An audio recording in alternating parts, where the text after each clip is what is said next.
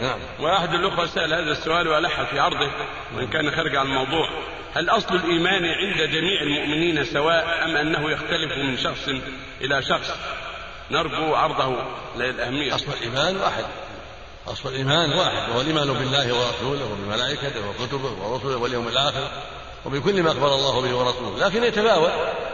ليس إيمان محمد صلى الله عليه وسلم وأبي بكر وعمر وعثمان وبقية الصحابة مثل إيمان من بعدهم.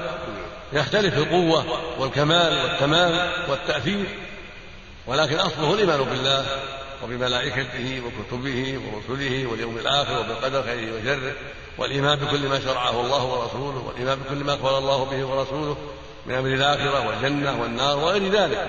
لكن بالعلم والاجتهاد والتفقه في الدين والغيرة لله وخشية لله يزداد هذا الإيمان ويقوى.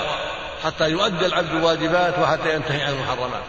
وبالجهل والإعراض ومجالسة الأشرار واتباع الشهوات يضعف هذا الإيمان. ولهذا قال العلماء إن الإيمان يزيد وينقص يزداد بالطاعات وينقص بالمعاصي. فالإيمان قول باللسان وعمل بالجوارح وعمل بالقلب وإيمان به. فمن وفقه الله للعلم النافع والبصيرة النافذة والخوف من الله والخشية له ومجالسة الأخيار وسير على سيرة الأخيار. قوي إيمانه وعلى, وعلى إيمانه وكمل إيمانه.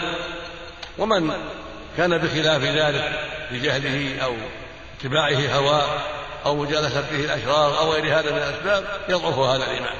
قد يضعف كثيرا حتى يزول بكلية نسأل الله العافية. ويرتد عن دينه نسأل الله العافية.